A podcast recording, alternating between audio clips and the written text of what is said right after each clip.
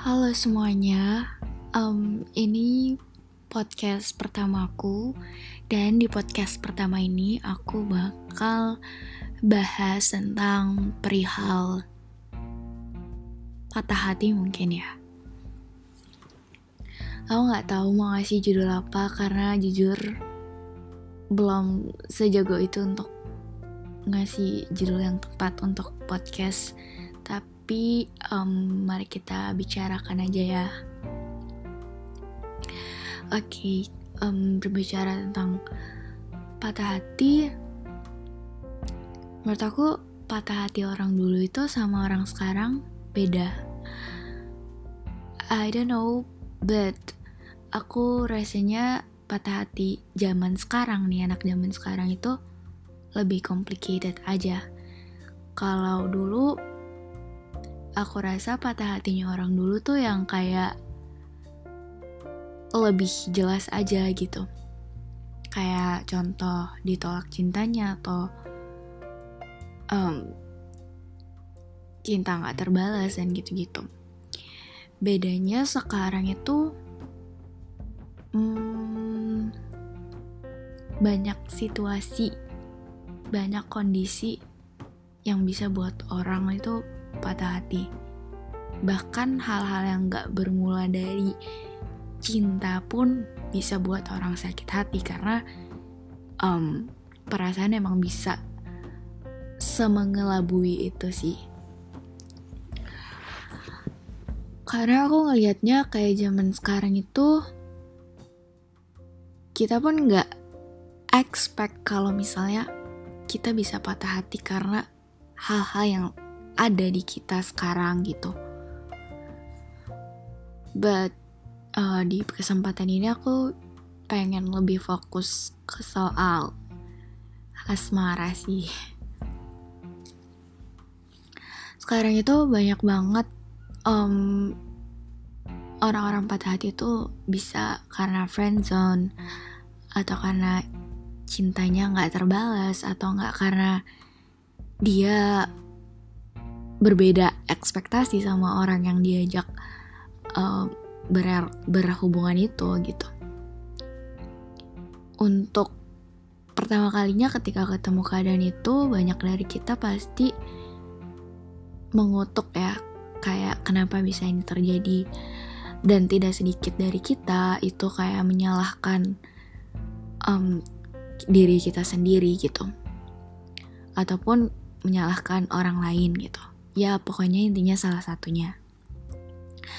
Satu hal yang banyak orang gak pelajarin tapi ada juga yang udah pelajarin yaitu soal accepting soal menerima keadaan. Kalau misalnya ya nggak semua keadaan nggak semua ingin kita dan nggak semua hal-hal yang kita pengen tuju itu bisa sampai di sana. Nggak semua hal yang kita emang tuju itu sesuai dengan apa yang kita pikirkan di awal. Karena menurut aku, kalau hubungan dengan manusia itu emang sedinamis itu. Orang yang kita nggak sangka-sangka pun ternyata bisa semenyakiti itu gitu buat kita. Dan uh, mungkin kita berpikir kalau misalnya aku udah beriin yang terbaik gitu. Aku udah ngasih semua waktu aku udah ngasih um, effort yang baik gitu.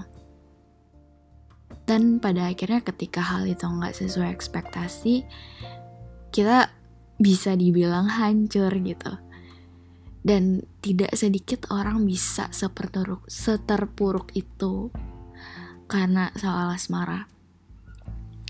Dan um, soal patah hati emang berat banget ya apalagi ketika nggak ada yang bisa membantu kamu untuk justifikasi kalau ya tidak apa-apa untuk ngerasain itu gitu.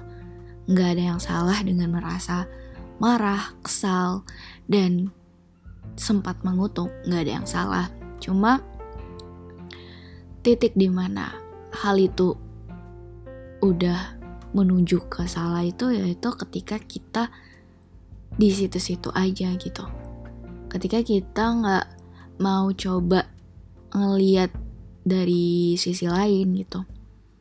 Aku nggak bilang kalau misalnya bangkit dari patah hati itu mudah nggak sama sekali.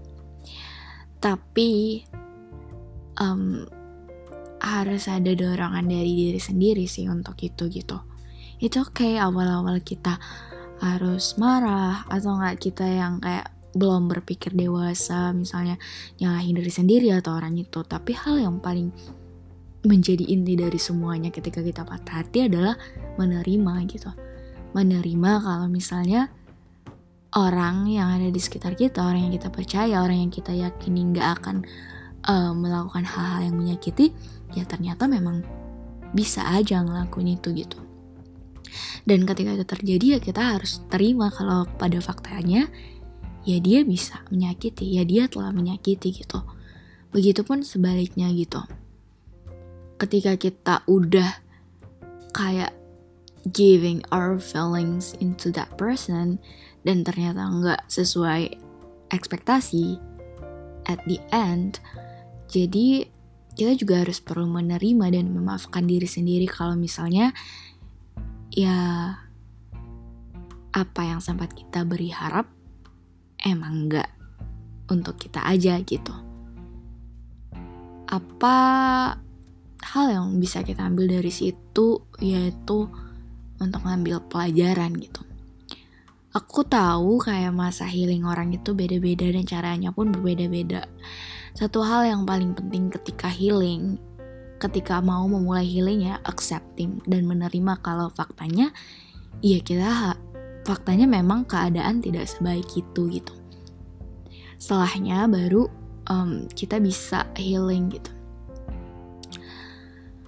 Kadang ada banyak orang yang menyalahkan si orang yang patah hati ini. Um, Aku mungkin pernah jadi salah satunya. Tapi makin ke sini, ketika aku juga udah ngerasain dan melewati hal itu, aku jadi paham kalau misalnya ya mau kita ada salah di tengah, mau kita tidak cukup baik pada saat itu, dan yang paling penting pertama memaafkan diri sendiri dan menerima fakta dan kenyataan itu sih kalau untuk mau bangkit dari patah hati itu. Dan apa ya? Kadang itu kayak hari ini kita baik-baik aja besok tiba-tiba keinget lagi terus besok-besoknya kita jadi orang yang tough lagi gitu. Jadi kayak masa healing itu nggak bisa konstansi menurut aku. Cuma itu mungkin tergantung pribadi orang-orang. Tapi mostly orang-orang yang healing itu bakal ngerasain yang di mana dia bener-bener udah kayak aku udah nggak ingat aku nggak ingat lagi gitu. Tapi nggak tau kenapa tiba-tiba bulan depan tuh bisa aja kayak ingat lagi dan kayak ingat momen-momennya lagi dan it's okay gitu itu prosesnya dan kamu nggak perlu nyalahin diri kamu lagi ketika kamu tiba-tiba ingat lagi karena mau gimana pun, mau semenyakitkan apa pun itu, ya itu adalah bagian dari diri kamu. Itu adalah part dari hidup kamu yang kamu gak akan bisa benar-benar lupa gitu. Healing it's not about forgetting the person, it's not about forgetting the moment with his or her, tapi healing moment itu ketika kamu mencoba untuk membiasakan diri dari hal-hal yang kamu gak biasa. Mencoba untuk menerima pada kenyataannya apa yang kita inginkan itu atau orang yang kita inginkan tuh yang nggak bersama kita aja gitu.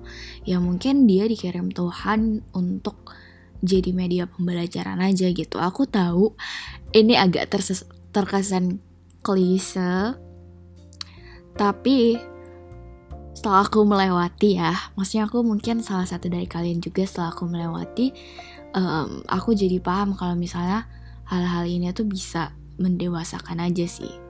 Hal-hal ini tuh jadi buat kita bisa lebih berhati-hati lagi bisa lebih paham lagi dan jadi nggak ngasih banyak ekspektasi ke orang. Karena ya siapa pun itu bisa sama ngecewakan itu gitu. Bahkan orang yang kamu sang tidak sangka-sangka tuh ya bisa semengecewakan itu. Dan satu hal yang aku paling pelajarin dari patah hati yaitu tentang gimana kita bisa nerima aja sih. Dan menurut aku proses dari yang kita patah hati, healing dan sebagainya tuh bener-bener ngasih pelajaran berarti sih menurut aku untuk kalian yang mau coba peka gitu kayak oh mungkin aku dikasih Tuhan. Uh, mungkin Tuhan ngirim orang itu untuk aku tahu gimana uh, sakitnya kalau kita berharap terlalu lebih gitu sama manusia. Atau enggak oh Tuhan mau ngajarin aku kalau misalnya baik aja itu nggak cukup untuk kita percaya sama orang. Atau enggak Tuhan mau ngajarin kita kalau misalnya um, jangan pernah berharap kita mendapatkan hal yang sama seperti apa yang kita beri karena semua orang itu nggak sama kayak kita gitu. Jadi diajarin lebih ikhlas aja diajarin kalau misalnya orang-orang itu berubah gitu. Bukan berarti kita jadi berhenti untuk percaya sama orang baru dan lain-lain. Cuma lebih ke kontrol hati untuk untuk paham kalau misalnya segala hal itu bisa terjadi gitu. Bahkan hal yang kita nggak inginkan dari orang yang kita pikir nggak akan pernah ngelakuin itu gitu. Jadi hmm, kesimpulan dari semuanya untuk yang lagi patah hati just take your time. Dan jangan membandingkan proses healingmu sama orang lain karena tentunya beda. Dan yang paling penting itu memaafkan diri sendiri dan terima kenyataan dulu. Dan I think itu adalah eh, langkah-langkah pokok sih untuk menuju kayak um, kebebasan hati atau kedamaian hati yang sebenar-benarnya hmm, aku belum jago banget nih buat podcast yang panjang jadi kayaknya aku sekian aja. Semoga hmm, para hati yang lagi baru aja sakit hati baru aja patah hati dan para hati yang lagi healing semoga lekas membaik. Um, udah dari aku. See you in the next podcast